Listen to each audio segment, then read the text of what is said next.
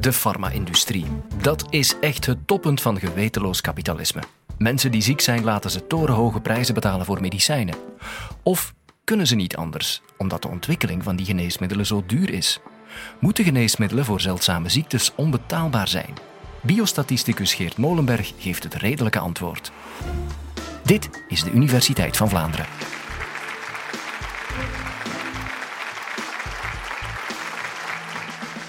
We kennen allemaal de verhalen van bijvoorbeeld het kleine meisje die een zeldzame stofwisselingsziekte blijkt te hebben, uh, waarvoor op het eerste gezicht geen behandeling bestaat. Uiteindelijk blijkt er toch een behandeling te zijn, maar dan duurt die twee jaar en het ergste van al kost een miljoen euro. Uh, dat is natuurlijk voor de meeste mensen onbetaalbaar. Er zijn soortgelijke verhalen. Bijvoorbeeld een middel voor hepatitis, wat perfect werkt, maar waar plots de prijs zodanig van in de hoogte gaat dat die voor veel mensen uh, niet meer betaalbaar zijn ook. Of nog, uh, mensen met aids in ontwikkelingslanden, in Oost-Europa bijvoorbeeld ook, waarvoor de dure aidsremmers niet toegankelijk zijn, wat eigenlijk betekent dat die mensen zo goed als ten dode opgeschreven zijn. Waarom komt dat toch? Waarom is geneesmiddelenonderzoek voor zeldzame ziekten, maar voor ziekten in het algemeen toch zo duur?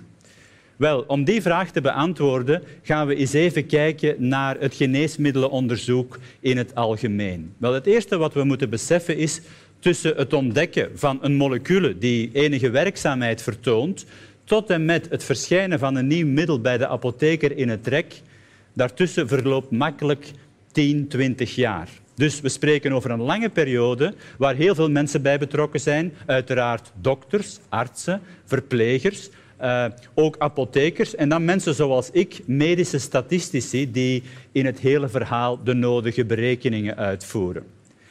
We gaan even naar het begin, het ontdekken van een molecule. Vroeger gebeurde dat voornamelijk in uh, labo-omstandigheden. Terwijl we vandaag meer zullen gebruik maken van computermodellen met de rekenkracht die nu voorhanden is, waar dus moleculen uit geïsoleerd worden die het verdienen van verder te onderzoeken. Ze doen blijkbaar iets. Wel, in eerste instantie gaan we dat verder onderzoeken in vitro. Denken we dan aan proefbuisjes. Hè? Uh, als dat enigszins succesvol verlopen is, gaan we naar de volgende fase en dat zijn de in vivo experimenten. Uh, en dan denken we aan experimenten uitgevoerd in ratten, in muizen, in honden enzovoort. Als daaruit blijkt dat het middel voldoet om verder te uh, onderzoeken, en dan kijken we voornamelijk naar het niet voorkomen van neveneffecten, uh, dan schakelen we over, en dat is een heel belangrijk scharniermoment, van de preklinische fase in dieren naar de klinische fase waar we het experiment gaan uitvoeren in mensen. Maar daar botsen we eigenlijk op een belangrijk probleem. Het gebruiken van mensen voor medische experimenten is niet toegelaten. Dat is de internationale conventie van Helsinki, die in het leven geroepen is vlak na de Tweede Wereldoorlog met de verschrikkelijke experimenten van dokter Mengele, de engel des doods. En dan heeft men nadien gezegd, dat willen we nooit meer. Uh, betekent het dan eigenlijk dat we geen uh, experimenten mogen uitvoeren? Wel, strikt genomen niet. Maar we gaan natuurlijk wel uh, geneesmiddelenonderzoek in mensen uh, uitvoeren. En daardoor is elke klinische studie die uitgevoerd wordt eigenlijk een goed geargumenteerde uitzondering op de conventie van Helsinki.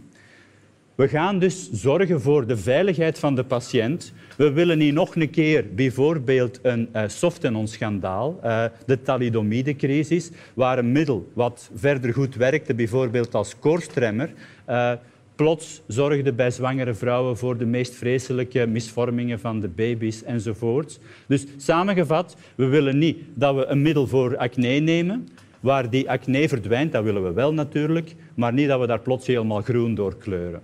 Uh, dus de veiligheid staat voorop. En de fases die dan komen, gaan daar allemaal naar kijken. In de eerste fase, en dan gebruiken we zo typisch 5 à 10 uh, patiënten, gaan we beginnen met een zeer lage dosis die we stap voor stap gaan opvoeren en goed kijken, zijn er hier geen neveneffecten die we eigenlijk niet tolereren. Als we op het punt komen waar dat begint om te kantelen, stoppen we. En met die dosis gaan we van de eerste fase naar de tweede menselijke fase. En dan spreken we al gauw over 20, 50, 100 proefpersonen. Wel, hoeveel juist? Dat is een taak voor mensen zoals ik, de medische statistici, die daar steekproefgrote berekeningen voor doen. Uh, en dan bepalen dat er bijvoorbeeld 50 patiënten in de studie worden opgenomen.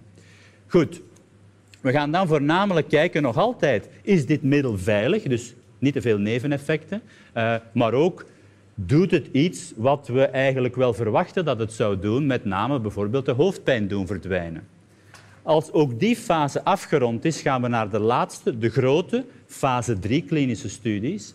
Uh, en daar gaan we dan in de honderdtallen. 100, 200, 500, 1000 patiënten. Uh, ook weer iets wat mensen van mijn soort gaan uh, berekenen hè, en uiteindelijk ook die gegevens gaan analyseren. Maar nu gaan we een belangrijke toevoeging doen. We gaan die 500 mensen zeg, willekeurig uh, splitsen in twee groepen.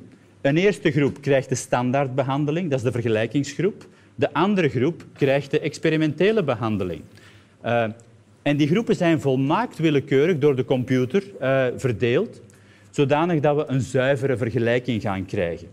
En daarbovenop wordt nog een bijkomende verzekering genomen. Dat wil zeggen, we gaan de studie dubbel blinderen.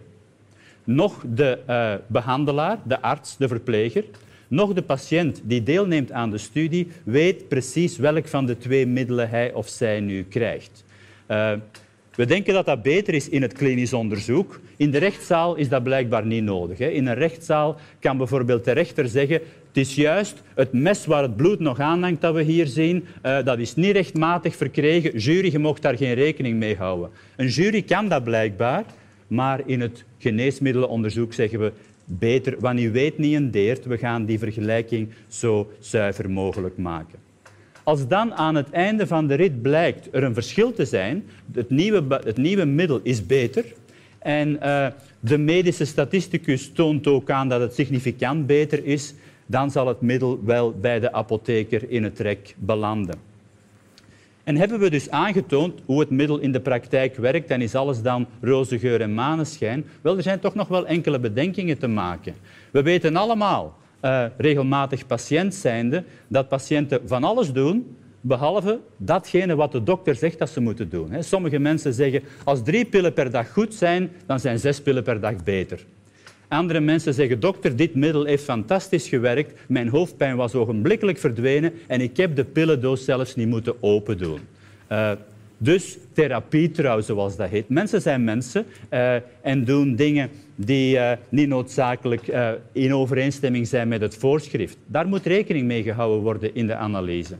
Maar er is een bijkomend probleem. Denk bijvoorbeeld aan mensen, zeker mensen die wat ouder worden, in het rusthuis en die fier zijn dat ze ik weet niet, een grote pillendoos hebben waar alles mooi op een rijtje zit wat ze die dag moeten nemen. In een klinische studie zeggen we, mensen nemen één enkel middel en dat gebruiken we als basis voor de vergelijking. Dat is niet altijd even realistisch in de praktijk. Nochtans is dat hetgene wat de drie grote klassieke spelers in het geneesmiddelenonderzoek wensen.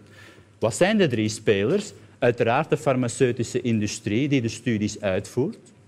Ook de onderzoekers aan de universiteit en daarbuiten, de medici, de verplegers, de apothekers, de farmacologen, de statistici, die basiswetenschappelijk onderzoek aanleveren. Twee, en in derde instantie ook de overheid. Zeg in België het RISIF, op Europese schaal de European Medicines Agency, aan de andere kant van de oceaan de Food and Drug Administration enzovoort. Wel, die drie zeggen, kijk, bij, het, uh, bij een klinische studie neemt men één middel en niks anders. Nu, we vergeten in dat verhaal natuurlijk de belangrijkste vierde speler en dat is de patiënt zelf. We gaan nu even terug naar de jaren 90 van de vorige eeuw, het begin van de AIDS-epidemie. Op dat ogenblik was het een fatale ziekte. Wie besmet was, was een aantal maanden later dood. Er werd volop aan onderzoek gedaan, maar het geneesmiddelenonderzoek stond eigenlijk voor aids helemaal in de kinderschoenen. Dat wil zeggen, middelen werkten nog niet goed. En de zeer mondige patiëntengroepen, we denken dan bijvoorbeeld aan de homogemeenschap in New York of de pornoacteurs in Los Angeles, die zeggen sorry, wij doen daar niet aan mee op die manier. Uh, als wij vandaag deelnemen aan een studie maar binnen twee maanden komt er een nieuw middel uit dat veel beter zou werken, dan mogen wij dat niet nemen. Dus wij tekenen ons doodvonnis. Sorry, dat doen we niet. De drie gevestigde spelers van daarnet, dus de industrie en de, en de, onderzoekers en de overheid, die waren daar niet mee akkoord. Maar wat doet je als je patiënten in staking gaan? Uh, toegeven uiteraard. En wat bleek? Plots waren er bijvoorbeeld drie middelen die elk op zich niet zo goed werkten, maar wanneer ze samen werden genomen, uh, werd het leven van die patiënten gelukkig uh, betekenisvol verlengd. En dat was de basis van wat we nu vandaag nog altijd noemen de cocktailtherapie. En dat is geen behandeling op basis van pina colada. Dat is eigenlijk een behandeling waar we drie geneesmiddelen tegelijkertijd uh, toedienen. De basis van de aidsremmers op de dag van vandaag. Nu, zal duidelijk zijn, als je drie geneesmiddelen tegelijk moet nemen, één is al duur. Uh, drie is natuurlijk nog veel duurder. Dat verklaart een stukje waarom uh, de kostprijs zo hoog is. Kostprijs hoog, duur onderzoek, langdurig, dat zijn de termen die we nu al een paar keer gehoord hebben. Dus er zijn grote belangen in het spel. Dat wil zeggen dat de overheid naast het onderzoek in uh, de medische sector daar ook waakhonden naast plaatst. Hè. Er is een interne waakhond. Denk aan een kliniek die deelneemt aan uh, het onderzoek. Er zijn ook dokters die het gebied wel goed kennen, die bijvoorbeeld ook met aids bezig zijn, of ook mensen die met kanker bezig zijn enzovoort, maar niet aan de studie deelnemen. Wel, die gaan toezien op het goede verloop. Dat is de interne waakhond. Daarnaast zijn er ook mensen van de externe waakhond die naar een klinische studie kijken. Denk dan aan mensen uit andere landen, uh, vaak ook zelfs aan de andere kant van de oceaan, die op het goede verloop uh, toezien. Dus uh, we zorgen ervoor dat het onderzoek op die manier in goede banen geleid wordt. Er zijn een aantal andere bedenkingen die we kunnen maken. Uh, naast een, het, het, goed verloop van het onderzoek kunnen we zeggen, ja maar goed, als op een bepaald ogenblik, zoals ik daarnet zei in het AIDS-onderzoek, plots het leven van de mensen verlengd wordt, dan is dat misschien wel een probleem, paradoxaal genoeg. Want als het leven verlengd wordt en we willen weten hoeveel het leven verlengd wordt, dan moet onze studie veel langer lopen, want anders weten we dat niet. Dus de medische statistici zijn gaan zeggen, kijk, uh, studies gaan daardoor, vooral voor succesvolle geneesmiddelen, zo lang duren, dat gaat eigenlijk niet meer. We gaan proberen van ook eens naar andere dingen te kijken. In het voorbeeld van AIDS zouden we kunnen zien, is uh, de virusdruk verlaagd? Hebben de mensen minder virus in het bloed? Is de immuniteit terug toegenomen? Enzovoorts. Dat zijn allemaal middelen uh, om studies te verkorten in tijd. Er is nog een bijkomende bedenking die ook weer de patiënten zich maken. Als patiënt kun je zeggen, nu goed, ik krijg een middel voorgeschreven en dat werkt voor de gemiddelde patiënt bijzonder goed. Maar ben ik dat? Ben ik de gemiddelde patiënt? Misschien is het voor mij omgekeerd. Misschien is de andere behandeling voor mij beter. En we gaan dus nu meer en meer evolueren. Niet meer naar onderzoek dat alleen maar naar grote groepen kijkt, maar onderzoek dat echt op u zelf als patiënt is toegespitst. De patiënt met de voorgeschiedenis van de patiënt. Wat weten we over de bloeddruk bijvoorbeeld uit het verleden? Wat weten we over geneesmiddelen die bij die patiënt werkten of niet werkten? Wat weten we over uh, bijvoorbeeld uh, allergieën die, die bij de patiënt opgetreden zijn, de genetische achtergrond enzovoort. Dus we gaan ons veel meer toespitsen op het individuele profiel. Het maakt het moeilijker, maar tegelijkertijd ook veel efficiënter, want het risico op faling wordt daardoor verkleind. En bovendien is er ook hoop voor de zeldzame ziekte. Denk terug aan het begin van het verhaal. Uh, als we ons gaan richten op één enkele patiënt, ja, dan maakt het eigenlijk niet meer zoveel uit of die patiënt nu aan een zeldzame aandoening leidt die maar bij één op de 5000 mensen voorkomen, dan wel bij iets wat bij de helft van de mensen voorkomt. Dus de recente ontwikkelingen, die natuurlijk nog volop aan de gang zijn, die gaan er gaandeweg wel toe leiden dat uh, het geneesmiddelenonderzoek korter gaat worden, efficiënter gaat worden, goedkoper gaat worden. Dus er is enige hoop, maar we zullen hoe dan ook nog uh, geduld moeten oefenen. Vond je het boeiend? Wil je meer Universiteit van Vlaanderen colleges horen? Abonneer je dan op de podcast. En elke dinsdag en vrijdag staan er automatisch nieuwe afleveringen op je smartphone, tablet of computer.